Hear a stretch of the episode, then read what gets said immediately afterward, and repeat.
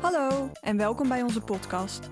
Ik ben Marit. Ik ben Nienke en we zijn heel benieuwd naar jullie lievelingsboeken. Daarom nodigen wij iedere aflevering iemand uit aan onze tafel om te praten onder het genot van een hapje of een drankje. Voordat onze gast op de stoep staat, hebben wij al even in de keuken gestaan. We serveren onze gast namelijk het eten of drinken uit zijn of haar lievelingsboek. Wat schaft de pot vandaag? Nienke, ik heb een vraag. Wat eten we vandaag?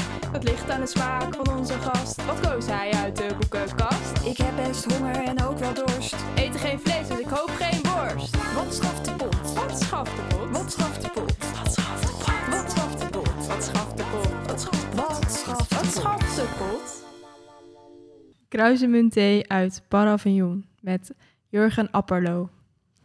Het theehuis was vol stemmen en sterke verhalen, de geur van kruisemunt.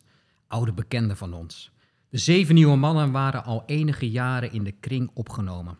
Ze waren druk in gesprek. Ik zeg je, er gaat niets boven telefonken. Kroendig, dat is de beste. En Mercedes-Benz, die wil ik hebben. Halla, een Honda Civic, dat is mijn droom. Zwijg alle! Een Golf GTI, daarmee kan ik mij vertonen. Halla, een Ford Escort of Transit, daar doe ik het ook voor. Ze overschreeuwden elkaar, gromden als de motors van de genoemde auto's en droomden met ogen die niets anders dan Simca's en Peugeot's 205 hadden aanschouwd. De visser was de enige die een heuse Mercedes had, omdat hij veel geld had verdiend met het doorverkopen van het moederkoren en de cannabis die hij van Gera en Hera als ruilmiddel had ontvangen. Sinds korte tijd had hij geen koopbaar meer en de leveranciers waren verdwenen. Ze waren hoogstwaarschijnlijk overleden. Hij moest iets anders verzinnen. Misschien kon hij zijn auto aan een van de broeders verkopen. Zijn aanzien stond op het spel. Hij knikte in zijn roes en dronk glimlachend zijn thee. Onze gast van vandaag is Jurgen Apperlo, die je kunt kennen van Vlogboek, een YouTube-serie over literatuur, eh, die wij als studenten Nederlands eh, vaak hebben gezien. Maar ook eh, middelbare scholieren komen er vaak mee in, in aanraking. Eh, mijn 16-jarige zusje had vandaag namelijk voor het eerst het gevoel dat we naar een bekende Nederlander gingen. Ehm, Jurgen Apperlo is ook docent Nederlands. En sinds 2018 is hij lid van de jury van de Griffel, die prijzen uitreikt voor beste kinderboeken van het jaar. En we hoorden net al even voorlezen en hij is dus docent. En we hoorden ook al een paar mooie metaforen en zinnen uit het boek. En nu zou ik je eigenlijk willen vragen, hoe zou je het boek voorstellen als je een docent was aan je klas? Ehm, ja, dat is wel lastig. Ehm, het is een, eh, een boek eh, dat, denk ik, eh, afwijkt van eigenlijk alle standaardboeken die mensen, maar ook leerlingen ook wel kennen. Ten eerste vanwege de taal. Dus de taal staat eigenlijk centraal in dit boek. En dat hebben we al een beetje gehoord, maar er zijn nog wel stukken die denk ik meer metaforisch en nog eh, veel meer uit de bocht springen. Dus dit is een boek voor liefhebbers van taal. En tegelijkertijd heeft eh, de schrijver Hafid Bouassa heeft daar ehm, ja, een soort maatschappelijke lading ingestopt door met twee werelden te spelen die eh, Moria en Paravion heten. En die staan, ja, dit zijn echt een soort metaforen voor Marokko en Nederland. Of het Vondelpark komt, kun je erin herkennen. Ehm, en juist die combinatie van stijl en een soort maatschappelijke laag en dat verpakt in een, eh, in een literair sprookje, eh, maakt dit een heel bijzonder boek. Ja, want er is dus een maatschappelijke laag in het boek over migratie vooral. Van dus Marokko naar Amsterdam. Ja, je moet het eigenlijk over Moria en Paravion hebben. Want eh, we leggen natuurlijk zelf die. dat is natuurlijk het spel wat, wat de schrijver ook speelt. door bewust niet die landen te noemen. Waardoor je als lezer zelf die koppeling moet maken. Waardoor je zelf verantwoordelijk ook bent voor die koppeling. Maar goed, jij mag hem maken. Maar... Ja, Ja, en het is dus een boek van Hafid Bouassa, eh, die dit jaar is overleden, dus daarom ook wel eh, meer in de belangstelling is gekomen. We zijn vandaag in jouw studio. Het is allemaal een beetje anders gelopen dan verwacht. Eigenlijk zouden we naar je huis gaan, eh, maar je dochter zit in quarantaine, Ja, helaas. ja. helaas. En daarnaast hadden we ook gezegd dat we een lunch zouden meebrengen. Maar uiteindelijk, na het lezen van het boek, zitten we hier met een kopje kruizenmunt thee. Ja, grote teleurstelling dat ik hier niet met een enorme maaltijd eh, werd verrast. Nou, Maar hopelijk ben je wel een beetje een, een theeliefhebber. Zeker, het is lekkere thee ook dit. Ja. nou, je hebt zelf ook van alles meegenomen. We hadden net al een soort van reep met appel en... eh Ja, was? Nou, ik- Roggebrood. ja, rog. Het smaakte naar roggebrood, maar ja, haver en eh abrikoos zat erin. Ja, maar en- het ging vooral om de appel, want in het boek komt heel veel gekarameliseerde appel voor. Ja, en we hebben nog eh, gedroogde vijgen. Komt ook in het boek voor. Dus eigenlijk hebben we toch nog, ondanks dat eh, we geen lunch hebben, eh, zijn we hier met een hapje en een drankje in de stijl van het boek. Ik kom niks tekort. Nou, we gaan het vandaag hebben over Paravion van Hafid Bouassa. Maar toen we je vroegen naar je favoriete boek, toen zei je dat je het concept van een favoriet boek eigenlijk heel lastig vond. En kun je dat een beetje toelichten? Nou, ik vind het zelf lastig en ik vind het concept, denk ik, onzinnig. Maar het lastige eraan vinden is dat mijn hersenen gelijk op hol slaan als ik zo'n vraag krijg. Ehm, waardoor ik al nou, jaren geleden bedacht dat ik daar dus nooit meer op ga geven voor favoriete boeken of favoriete series of favoriete films. Ehm, en zeker bij lezen is het, ik merk, ik lees veel. En het plezier zit natuurlijk altijd in het ontdekken van nieuwe boeken. Dus een favoriet boek, dat heeft een soort statisch gevoel.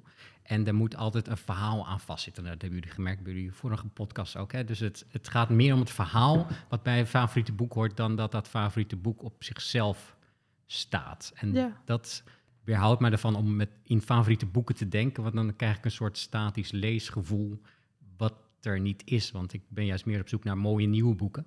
Eh, en daar moet dan een favoriet gevoel uit voorkomen. Op het moment dat ik dat weer heb gelezen, nou ja, enzovoort. Dus eh, in het oneindige kun je dat dan eh, ermee doorgaan. Maar het viel me op, want ik heb jullie laatste podcastaflevering dus gisteren nog zitten luisteren. Er werd drie keer de vraag voor mij gesteld van favoriet boek, mijn favoriet land en favoriet eten.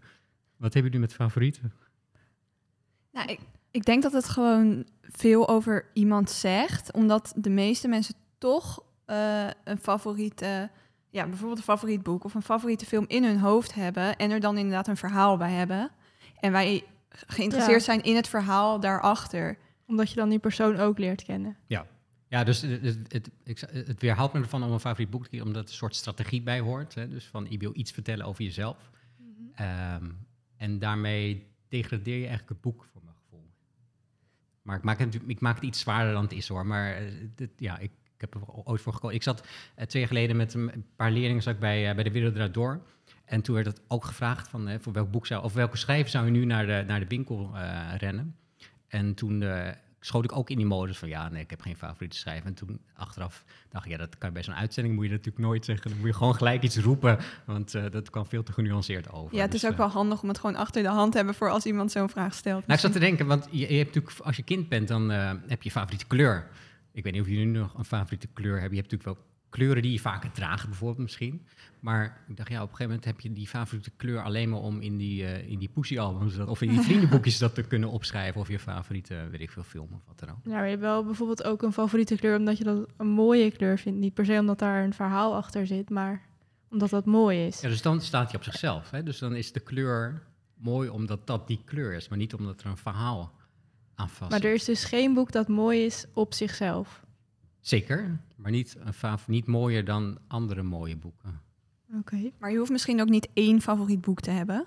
Nee, nee, kunnen ik heb ook wel- meerdere, zeg Er zijn maar. wel veel die ook in een bepaalde tijd of een- in een bepaalde periode van je leven meer kunnen doen met je. Zeker, nee, dat, dat is het ook. En daarvoor heb ik deze ook uitgekozen hoor. Want ik dacht, nou, jullie zitten, nou, jullie hebben net je bachelor afgerond eh Nederlands. Dit, ik had, eh Avid Bouassa was mijn onderwerp, ook als bachelor, eh, voor bachelorskipsie. Dus ik dacht, nou, dat zit een beetje mooi in, die, in, in, eh, in, in, in, dezelfde lijnen waar jullie nu in zitten. En ik dacht, nou, het moet een boek zijn met veel eten. Nou, dat, er zit hier heel veel eten in. Eh, heel veel vlees, heel veel dieren worden Heel veel gegeten. gevuld, gevogelte. Heel veel gevogelte. Ehm, en nou ja, dit is wel een boek voor mij, ja, met, met een verhaal, omdat dat wel mij op mijn weg zette tijdens mijn studie om ehm, nou ja, daar dus dieper in te duiken in een schrijver die mij heel erg interesseerde. Ik mocht hem destijds ook interviewen, dus dat was wel allemaal, nou ja, dacht, daar zit wel een verhaal bij, dacht ik. En waar ging je bachelorscriptie dan eh, specifiek over? Ja, mijn scriptie ging over het Orientalisme in het werk van Hafid Bouassa. Ehm, toen had hij net dit of twee jaar, even denken hoor, net één jaar was dit boek oud en hij heeft hiervoor nog eh, eh, drie andere boeken geschreven en ook nog een, ehm, een, een boekweek-essay heeft in 2001 geschreven. Ehm, en hij speelt heel erg met Orientalisme. Ik, weet niet of je, weet je wat ik daarmee bedoel met Orientalisme? Zal ik het een klein beetje toelichten? Orientalisme is, eh, zeg maar, het, de, het ja, je kan het eigenlijk zien als de stereotypen die we hebben van het Oosten. Maar die zijn ontstaan al in de 16e en 17e eeuw. En die eigenlijk door alle schrijvers, kunstenaars, maar ook wetenschappers eigenlijk in stand zijn gehouden. Eh, en hij speelt daarmee, want hij misbruikt ze eigenlijk als het ware. Dus hij gebruikt de, stereotypen van, dus de Orientalistische stereotypen van de Westelingen gebruikt hij hier. Dus voor het vliegen tapijt eh, is, eh, is een mooi voorbeeld. Dat komt ook hier in dit boek voor. Dat is eigenlijk de metafoor voor de, me- eh, voor de migratie. Ze gaan van Moria met het vliegentapijt eh, naar, eh, naar Nederland. En de vliegentapijt zijn alleen maar voor de mannen, staat er ook bij. De vrouwen mogen niet eens. En dat is ook Nou, gezien. volgens mij werkt het niet eens bij vrouwen. Zoiets, ja. Er staat Ja. een uh, achter slash man en niet vrouw. En er zijn ook gezinstapijten. En uh, Baba Balouk, een van de mannen die hier voorkomt, ze heet uh, trouwens allemaal bij de Baba Balouk, maar die heeft ook eentje die niet goed werkt, want het merk is uh, niet goed genoeg. Um, maar het vliegentapijt is door Westelingen toegevoegd aan de sprookjes van de Duizend en Nacht. Dus in de, sprookjes van Duizend en Nacht zitten geen vliegende tapijten, maar dat is door een Fransman. Die heeft er nog wat verhalen aan toegevoegd. Voor het, ook het verhaal van Aladdin heeft hij aan, de, aan die, daaraan toegevoegd. En wij zien dat uh, als Westelingen als de sprookjes van Duizend en Eén Nacht, uh, die, dat soort beelden. Uh, en het is dus wel aardig dat hij dat dus ook weer hier nou, eigenlijk tegen ons gebruikt in het boek. Dus dat Ja, soort dingen ik ben ging toevallig zoeken. nu Duizend en één nacht aan het lezen. Oh. Maar dus wel de westerse versie, want wel vliegende tapijten. Dus nu ga ik wel met een andere blik het lezen. Oh ja, nee, er zijn ook mooie vertaalde... Ja, ik heb ze niet allemaal gelezen, maar ik ben er ooit toen mee begonnen toen ik ook deze scriptie ging schrijven. Um, maar de originele zijn veel, ja, veel duisterder. Hè. Er komen hele geesten in voor die iedereen vermoorden en zo. Dus dat is helemaal niet zo happy de peppy als uh, ja, als Aladdin niet verliefd wordt. Uh, ja. De Disney-versie, zeg maar. Uh, ik weet ook niet precies wat er allemaal wel of niet verzonnen is, maar ik weet dat er een aantal verhalen... en dat zijn uiteindelijk de meest bekende verhalen geworden. Of Alibaba is natuurlijk wel uh, eentje die in, in de originele sprookjes voorkomt. Nou ja, goed, hij gebruikt allemaal dat soort dingen en hij gebruikt het op klein... Ja, eigenlijk op zinsniveau af en toe als metafoor. Dus... Um, nou ja, geloof dat, eh, ik weet niet of het in dit boek is of een van zijn verhalen, dat ze dan seks hebben, een, een, een, een iemand uit Moria en iemand uit Paravion, dus, hè, dus een Marokkaan en een Nederlandse vrouw. Uh, en dan is het metafoor ook dat Alibaba de grot opent, geloof ik. Dat soort dingen stopt hierin. Maar het gaat ook over, nou ja, vliegtuig dus als metafoor die constant dan terugkomt in het verhaal. Um, ja. En is het Orientalisme dan iets waar je specifiek ook geïnteresseerd in bent? Um, nee, de, de, eigenlijk door Havid Bouasse ben ik daardoor op, uh, um, ja, op, op die route eigenlijk geplaatst door, door zijn boeken. Um, en uh, Thomas Vases, de, de, de, hoogleraar, die zette mij toen op het spoor om dat, dat, dat in die boeken te gaan zoeken. En toen ben ik daarna de onderzoeksmassa gaan doen. Toen heb ik nog wel een aantal ja, colleges en het, courses gevolgd over het Orientalisme ook. en dat is wel, was heel in, vond ik heel interessant. Ja, nog steeds eigenlijk wel. Ja, en eigenlijk zit er, ja, wat je al zei, het is een heel gelaagd boek. Um, het kenmerkt zich onder andere door de gecompliceerde uh, verhaallijn. Uh, en daarnaast gaat het over migratie en er komt ook wel de nodige seks in voor. Zijn dat dingen die jou heel erg aanspreken in boeken? Welke van de drie? Die, ja, één van de drie, alle drie. Okay. Uh, nou, die gelaagdheid vind ik sowieso interessant. Ik hou wel van complexe boeken. Um, ik hou ook van, van zijn stijl, hè, dat hij veel metaforen terug laat komen. Wat mij opviel nu ook is, hij heeft een hele, in begin, ergens in het begin al, dat hij die markt helemaal beschrijft. Mm. En dat doet hij vier, vijf pagina's lang. En dat is echt een opsomming van dingen. Ik denk dat destijds dat niet zo mij is opgevallen, maar ik vond het nu echt heel mooi. En dat laat hij aan het einde terugkomen, maar dan is er wat veranderd. Je proeft dat er iets veranderd is, maar dan komen die mannen terug en dan klopt hun wereld niet meer helemaal. Dat vind ik wel echt, um, nee, dat is gewoon stilistisch uh, iets wat, in, wat ik interessant vind. Um, en qua seks, ja, weet ik niet. Ik vind dat hij dat wel beter doet dan menig schrijver. Als ik me voor vergelijk met uh, Peter Buwalda of zo, dan vind ik dit wel uh, fijner om te lezen. Alhoewel het wel een beetje karikaturaal is. En waar ligt het verschil dan in met bijvoorbeeld een Peter Buwalda? Ja, Peter Buwalda gaat natuurlijk helemaal de sadistische hoek, hè, de, de SM-hoek in. Ik weet niet of je gelezen, Otmar Zoon. Ja. ja. Um, en daar dient het haast geen doel meer. Terwijl bij Avid Bouasse is zelfs tijdens de seks komen dus, hè, dat, wat ik net al benoemd met Alibaba, dat, dat dat soort metaforen terug blijven komen. Dus hij blijft die strijd tussen stereotypen en hoe die mensen naar elkaar kijken, zelfs tijdens de daad, kunnen ze elkaar niet uh, op een normale manier bekijken. Bekijken ze elkaar eigenlijk alleen maar in stereotypen. Want voor de man, het staat ook ergens in, dan is het seks op klompen. Uh, dus ook de, de Moriaanse man, die heeft eigenlijk zijn eigen projectie op hoe die de, de seks beleeft met de vrouw. Ja, het is natuurlijk vanuit een man geschreven en het zijn ook wel expliciete uh, beschrijvingen van het vrouwelijk lichaam. Ja. Eh, en er is natuurlijk de laatste tijd heel veel te doen om bijvoorbeeld Turks fruit van Jan Wolkers. En dat dat bijvoorbeeld van de leeslijst moet worden gehaald omdat het vrouwonvriendelijk zou zijn. Hoe kijk je daar tegenaan? Ja, daar kan ik niet zoveel mee. Ik heb ook een, eh, een video gemaakt over hè, waarom Turks fruit geen fout boek is. Omdat je het eigenlijk ook de hele andere kant op kan redeneren. Dat die juist laat zien eh, wat er gebeurt als een man een vrouw misbruikt. Hè. Dus het, het, zeg maar, het, het feit dat er iemand misbruikt wordt en verkracht wordt natuurlijk in Turks fruit... Ehm, dat hoeft in principe niet, niet slecht te zijn. Dus ik denk, nee, boeken die moeten vooral eh, niet verboden worden. Of, ja, het is ook eh, een soort van uitvloeisel van de cancel culture. Dat alles wat niet goed is, dat dat dan maar moet worden gecanceld. Ja, nee, wat wel belangrijk is natuurlijk wel dat we, dat we blijven letten op wie onze schrijvers zijn en aan wie we de aandacht geven. En dat is natuurlijk nog steeds dat er veel te veel mannen eh, eigenlijk, nou ja, ze mogen wel schrijven, maar dat die veel meer aandacht krijgen dan de, dan de vrouwelijke schrijvers. Nou, dat tegenwoordig is er ook wel een vrouwelijke ja, groep Ja, schrijvers. de Ninja Weijers, Ja. Maartje Wortel. Zeker. eh, de. Dasmag-groep, zeg maar. Ja. En, maar ik denk ook dat zij ook nog steeds last hebben wel. Nou ja, misschien Nia Wijs en Hannah Barefoot, die zijn meer natuurlijk wat gearriveerden, maar dat ze nog wel, er zit nog wel steeds een soort voor, eh, vooroordelen waar ze mee te maken hebben. Of stereotypen waar... eh, Wat nog steeds de schrijver de man ja, is. nee, je, hebt, je had een aantal jaar geleden, drie jaar geleden, of vier jaar geleden, als je de leesres des Vaderlands. Die ging dan elke weekend ging ze alle bijlagen tellen van de dagbladen. En kijken hoeveel mannelijke schrijvers, hoeveel vrouwelijke schrijvers er werden gerecenseerd. Nou ja, dat, dat was natuurlijk beschamend. Dat was af en toe, eh, voor mij een derde was maximaal dat dan, dan vrouwen werden besproken. En veel recensenten zijn ook nog steeds mannelijk. Dus dat is wel, nee, goed. Ik, ik ben ook zelf ook man, dus het is altijd wel een beetje gek om daarover te hebben. Maar ehm, nou ja, daar, moeten daar moeten we denk ik nog steeds wel iets mee. En is dat Ja. iets wat jij bijvoorbeeld in de klas ook aankaart? Ehm, nee, maar ik was wel vorig jaar gaan tellen over. Nou ja, aankaarten niet. Omdat dan wordt het weer zo eh, dogmatisch. Hè, als ik het eh, eh, echt, echt open erover ga hebben. Maar ik probeer er wel op te letten. En ik probeer.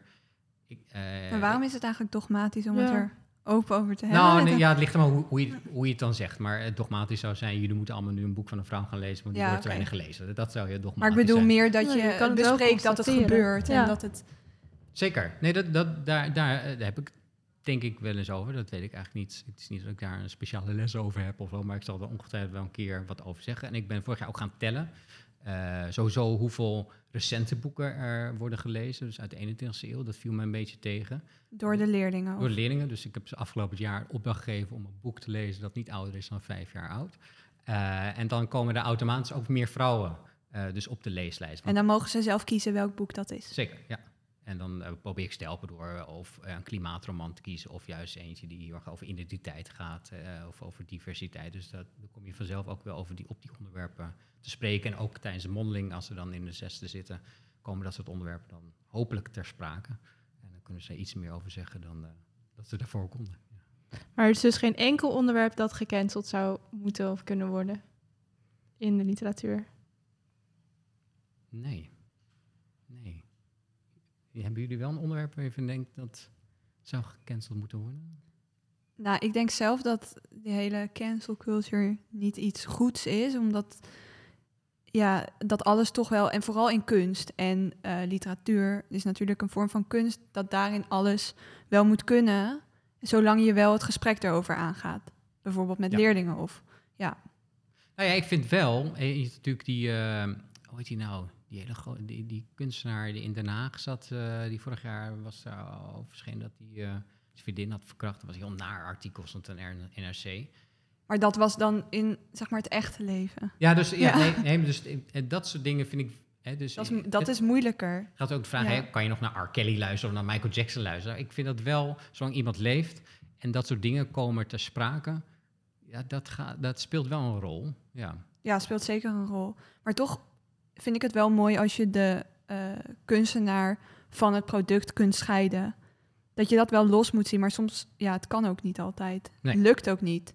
En vooral ook in de tijd waarin we leven, waarin alle informatie beschikbaar is, je op internet alles leest, kun je je er niet van afsluiten. Nee, en nou ja, om terug te komen op dit boek, eh, daar had Bouassa zelf last van. Hè? Dus hij werd als Marokkaanse schrijver gezien. En dacht, ja, dat, dat wil ik niet. Ik ben, ik ben gewoon eh, een, ik schrijf in de Nederlandse taal. Dus ik ben een, ik denk in de Nederlandse taal. Dus ik ben gewoon een Nederlandse schrijver. Maar jullie willen me heel graag als een Marokkaanse schrijver zien. Ehm, En dat is lastig, want wat je zegt, je kan het niet loslaten. Je probeert natuurlijk het werk en de kunstenaar los te laten of te scheiden. Eh, maar dat, is, ja, dat zit in ons brein. Kunnen we daar niet iets doorknippen waardoor we dat eh, los kunnen laten. Ja, ik las op internet ook een recensie dat hij eindelijk een soort van van dat stereotype af was van de migratieschrijver, of hoe je dat ook noemt. En dat hij toen dit boek eh, uitbracht. Dus dat, Ja, klopt. Hij, hij, ehm, hij is begonnen met korte verhalen, De Voeten van Abdullah. Echt fantastische bundel. Ook een van de eerste keer dat ik een korte verhalenbundel las... waar ik echt gewoon elk verhaal leuk vond om te lezen. Terwijl je vaak bij korte verhalen dan ergens zakt het wel weer in... of valt het toch een beetje tegen. Een beetje in dezelfde stijl eh, of dezelfde thematiek als, als Paravion. ik zou je Paravion een soort ja, uit, de, uit de hand gelopen versie van eh, De Voeten van Abdullah kunnen zien. En toen dus daarna schreef hij uit mijn hoofd schreef hij de novelle Momo... En dat ging helemaal niet over migratie. Het ging over een jongetje en je leest dan eh, een soort, eh, ja, soort, zijn hersenen of zo, een soort meervoud, het is in meervoud geschreven in de wijvorm. Ehm, en dat is dan een soort wezentjes die bij hem zitten. Maar zelfs daar werden in de recensies werd dat gekoppeld aan van, oh ja, dit is een jongetje dat dan ontwricht is tussen twee culturen, net als de schrijver. Terwijl er, helemaal geen aanleiding is om dat boek daar eh, aan te koppelen. en daarna schreef hij nog Salomon. Dat boek staat er niet zo bij eigenlijk, heb ik ook niet heel erg gebruikt destijds. Ehm, en ja, toen kwam hij met dit boek. Ja. Hij schreef wel essays hoor in die tijd ook om uh, voor tegen het hoofddoek. Hij, hij, ja, hij geloofde niet in uh, noem het, um, emancipatie met hoofddoek bijvoorbeeld. en daar zijn wel goede stukken ook. en daar was hij heel fel in. Dus hij was daar wel altijd mee bezig, maar hij vond wel, ja, ik moet me wel als talig mens beoordelen. Ik ben een schrijver en ik leef in de verbeelding, niet in Marokko. Ja. Ja, en in het boek komen ook brieven voor. En ik vroeg me eigenlijk af of je zelf wel eens brieven schrijft. Nee, nooit. ook nooit gedaan? Jawel, ik heb, nou ja, niet zoveel hoor. Ik heb wel, uh, wel ja, toen kind was of zo, dan was je op vakantie geweest. Dan ging je daarna nog wat brieven schrijven of kaarten aan elkaar sturen. Uh, van die vakantievriendinnetjes. Maar dat waren meestal twee brieven en dan was het wel weer klaar. Um, en daarna niet meer zo. Ja, ik denk tot mijn 15 of 16, als ik dan op vakantie ging of zo, dat ik dan wel eens brieven ging schrijven of een soort blaadjes volschreven. En dat dan, ja, een soort meer dagboekachtig ook. Maar voor jezelf? Of, ja, dat is meer voor mezelf. Of dan een lange brief aan iemand op wie ik dan, en wie ik toen verkering had. En dan uh, uh, stuurde ik die, dan als ik dat terugkwam, dan gaf ik die dat hele pakket zo. Maar dat is, ja, dus ik heb dat wel gedaan, maar niet heel uitvoerig. Ja. En schrijf je op een andere manier? Dus dat je bijvoorbeeld uh, ook romans schrijft of uh, andere dingen Korte schrijft? verhalen? Um, ja, ik schrijf wel af en toe. Kort verhalen inderdaad. Uh, ik zou heel graag wel ook een roman willen schrijven, maar daar heb ik gewoon te weinig tijd voor en nog niet genoeg ideeën voor misschien ook. Of genoeg, genoeg zelfvertrouwen dat ik een eigen stijl heb waar, waar iets mee kan. Um, maar wel iets wat je ambieert om ooit een roman te schrijven? Ja, ja, ik zou dat wel graag willen, ja. Maar dat, ja, het, ik zou er niet rouwig om zijn als het niet lukt, hoor. Dus het is niet iets wat, uh, wat, een, wat een doel is waar ik, uh, nou ja, dat kost wat kost moet gebeuren. Maar het lijkt me wel een mooi moment als dat kan. En als dat ook uh, gedrukt zou kunnen worden. Maar goed, er zijn wel meer mensen die dat denken, dus dat, daar ben ik niet één. Ja, ik geloof een miljoen Nederlanders. ja. En publiceer je de korte verhalen ook? Nee, ik heb wel eens met... Um, toen ik student was, heb ik wel wat, wat dingen geschreven, dan in studentenblaadjes gepubliceerd. En daarna nooit meer. Nou, en uh, weer even terug naar Paravion. Het uh, vertelt dus het verhaal van drie generaties Baba. Um, merk jij eigenlijk grote verschillen tussen de generaties in jouw eigen familie? Ja, enorm. Uh, mijn grootouders zijn allemaal overleden, maar ja, die kwamen uit de jaren twintig. Um, ik ben alweer totaal anders dan mijn eigen ouders. Ja, daar zitten wel hele grote verschillen tussen. En wat kenmerkt bijvoorbeeld de generatie van jouw ouders? In jouw ogen? Ja, daar kan ik haast geen antwoord... Ja, dat vind ik te lastig. Of met je klas? Of verschil met mijn klas? Ja, of met je kind. ah, dit is een, echt een te grote vraag om uh, antwoord op. Dat vind ik lastig, ja. Het wordt gelijk zo, nou, daar gaan we weer. Dat je generaliseert, ja, bedoel je? een soort generalisatie van hoe ik naar generatie kijk. Terwijl, ja, dat is natuurlijk ook maar gewoon wat je bedenkt. Ik ben gewoon totaal anders dan mijn, dan mijn ouders. Ja, dat, Maar dat ligt volgens jou niet aan de tijd? Tuurlijk, zeker. Dan denk je niet dat er toch eh, een tijd zoveel eh, invloed op iemand heeft dat er toch iets kenmerkends aan een hele generatie is? Nee, ik denk de generatie kun je eigenlijk alleen maar definiëren in wat je doet. Dus, hè, en wa- wat je, wat, je, wat je in je handen hebt. Dus dat, dat ik nog... Hè, dat, mijn dochter die, die kan met een mobiel omgaan en ik had mijn eerste mobiel toen ik 18 was en er zat nog geen, eh, geen schermpje op verder, in ieder geval waar je iets mee kon, behalve eh, sms sturen. Ehm, en dat heeft uiteraard invloed op hoe je bent en hoe wie je wordt. Maar goed, ja, ik ben ook weer anders dan eh, hoe ik zelf tien jaar geleden was. En dat, ja, dat heeft niet zoveel met de generatie te maken. Nee, maar ook- met, met de tijd. Dat tien jaar geleden dat je anders was, dat dat dan ook met de tijd te maken heeft, bedoel je? En Of- met je leeftijd. Ja, met leeftijd, hoe de eh, politieke en maatschappelijke situatie natuurlijk is. Ehm, of je voor of na een belangrijk moment bent geboren, dat heeft natuurlijk allemaal invloed. Maar of dat gelijk, of je daarmee een hele generatie kunt vatten, hè, dus in, denk in de millennials of eh, wat dan ook, eh, dat vind ik Ja, Ik denk dat sterke scheidingen sowieso moeilijk zijn. Maar als ik bijvoorbeeld kijk naar het verschil tussen mijn zusje en mij, dat ik wel echt verschillen zie en dat ik ook toen ik zo oud was als zij niet dezelfde dingen deed of dat ik niet door dezelfde dingen werd bepaald als zij en dat ik nu in dezelfde tijd ook niet op dezelfde manier word bepaald. Dus dat zij bijvoorbeeld, zij heeft nooit een leven zonder social media gekend en dat heeft heel veel invloed. Zeker. Nee, dat, dat ik, ik zie. Wat ik natuurlijk. Nou ja, laat ik dan toch een generalisatie. Dat willen jullie heel graag. Eh, nee, wat ik bij leerlingen zie. Is dat qua concentratie. Dat is wel echt, eh, echt lastiger. Althans, dat weet ik dus niet zeker. Ik las een tijdje geleden mijn. eh, mijn, eh, mijn leesautiobiografie toen ik in, in, in 6 VWO zat. En daar stond ook in dat ik het lastig vond om concentratie op te brengen om die boeken te lezen voor mijn leeslijst. En dat zeggen ze nog steeds. Dus ja, dat kunnen we ophangen aan die mobieltjes, maar dat heeft natuurlijk ook gewoon met je leeftijds, de, de, de leeftijdsperiode vanaf ja, 15 tot met 18 te maken. Dat je gewoon in zoveel dingen geïnteresseerd bent, met zoveel andere dingen ook bezig bent, dat die concentratie misschien überhaupt lastiger is. En daarbij helpen die mobieltjes natuurlijk niet. Eh, dat, dat is natuurlijk wel bewezen. Ehm, maar het feit dat je die concentratie niet kunt pakken. Ik zie tegelijkertijd ook heel vaak wel goed gaan, namelijk ook in mijn les als ze moeten lezen, dan nou ja, dat is, kost eigenlijk, het is eigenlijk geen probleem. Als die mobieltjes maar weg zijn, dan kan iedereen die concentratie wel weer pakken. Dus het is nog geen verloren zaak. Ehm, nou, het, het boek heet Paravignon met het vliegtuig.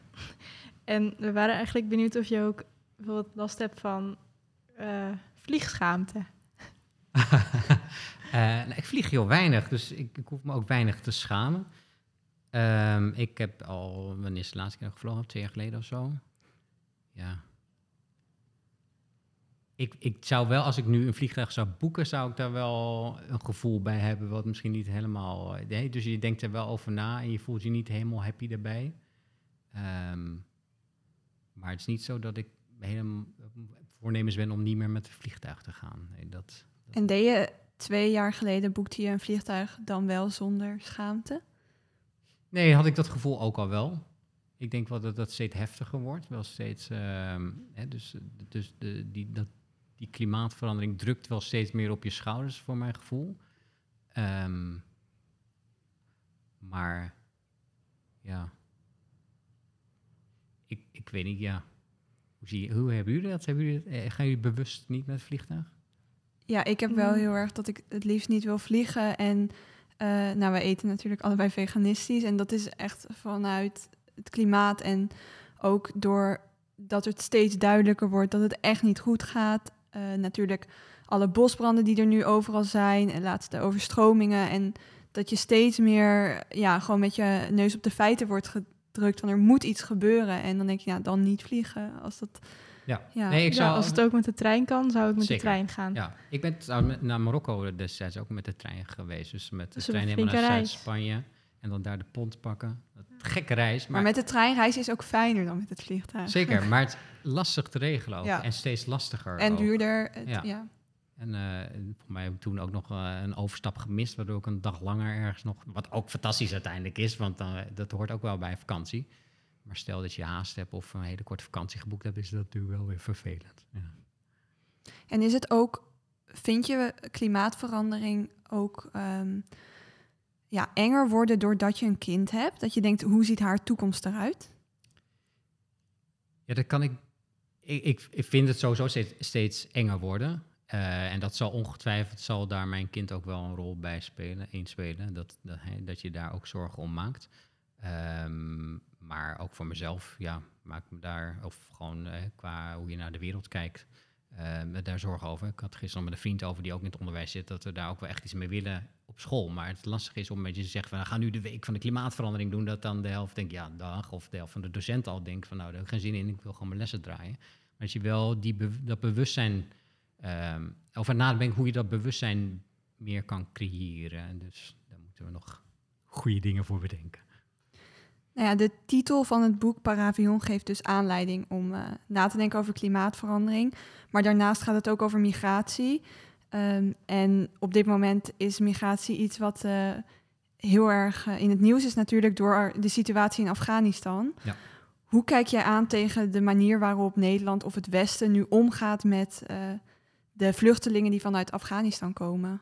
Ja, dat, ik kan er echt mijn pet niet bij, want dat zijn er maar een paar honderd, geloof ik. Uh, wat is 700, uh, of misschien net iets meer dan duizend. Dus dat is echt mm. peanuts met alle... Uh, als je dat voor mij afzet tegen het aantal migranten... dat per jaar in Nederland komt de afgelopen jaren ook. Ehm, dus dat slaat, dat slaat helemaal nergens op, wat mij betreft. Wat ik wel over zit te denken, destijds toen ik mijn scriptie schreef... en, en twee jaar later heb ik mijn masterscriptie geschreven over dus eigenlijk een soort vervolg hier, daarop over uh, de Nederlandse moslim in, de, in de, uh, of ja, de Nederlandse, zeg ik het goed? Ja, de Nederlandse moslim in de, in de Nederlandse literatuur. Dus ging allemaal moslimpersonages. En toen dacht ik, ja, dit is de tweede generatie moslims. Of uh, vooral van de Marokkaanse en, en, en Turkse gemeenschap. En ik dacht, nou, daar, twee generaties verder, dan hebben we het er niet meer over. Maar dat is, die voorspelling is niet helemaal uitgekomen. Dat, daar maak ik me ook af en toe wel eens zorgen over. Ik denk, ja, dat dat dus zo lang duurt dan doen we echt iets niet goed ook in Nederland. Uh, en dat dat beeld niet verandert. Ja, en dat dat integreren dus eigenlijk nog... Ja, ik weet niet of we het nog überhaupt dan over integratie hebben. Het gaat gewoon over mensen die in Nederland geboren zijn... en die we in een hokje stoppen... Uh, waardoor ze ook op een bepaalde manier reageren. En uh, nou ja, de hele politieke situatie helpt dan ook niet altijd even goed mee. Um, maar uh, het is natuurlijk, zijn natuurlijk een hoop mensen die alleen maar denken in integratie van zij, hun, hun moeten veranderen. Uh, terwijl, ja, juist bij die derde en vierde generatie valt dat eigenlijk niet meer uh, uh, op die manier te argumenteren. Omdat we dus zelf verantwoordelijk zijn voor hoe die mensen. Nou, die mensen klinkt ook al, maar hoe, hoe mensen hier opgroeien en hoe er naar ze gekeken wordt en hoe we onze scholen inrichten. Um, en daar maak ik me ook nog wel zorgen over. Ja. Nou, genoeg om over na te denken naar, naar aanleiding van Paravion. Eh, heel erg bedankt voor het gesprek. Graag gedaan. En voor de koekjes. We hebben nog wel wat, wat dingen om op te eten. Ja. Bedankt voor de thee. Uh, en uh, fijn dat jullie die lange reis wilden maken hier naartoe. Ja, zeker. Bedankt voor het luisteren naar deze aflevering van Wat de Pot schaft. Wil je meer afleveringen beluisteren? Volg ons dan op Spotify of Soundcloud. Heb je een vraag of wil je ons gewoon iets laten weten? Stuur dan een mail naar wattepot.gmail.com. Tot de volgende keer. Wat schaft de pot? Wat schaft de pot? Wat schaft de pot? Wat schaft de pot? Wat schaft de pot? Wat schaft de pot? Wat schaft de pot?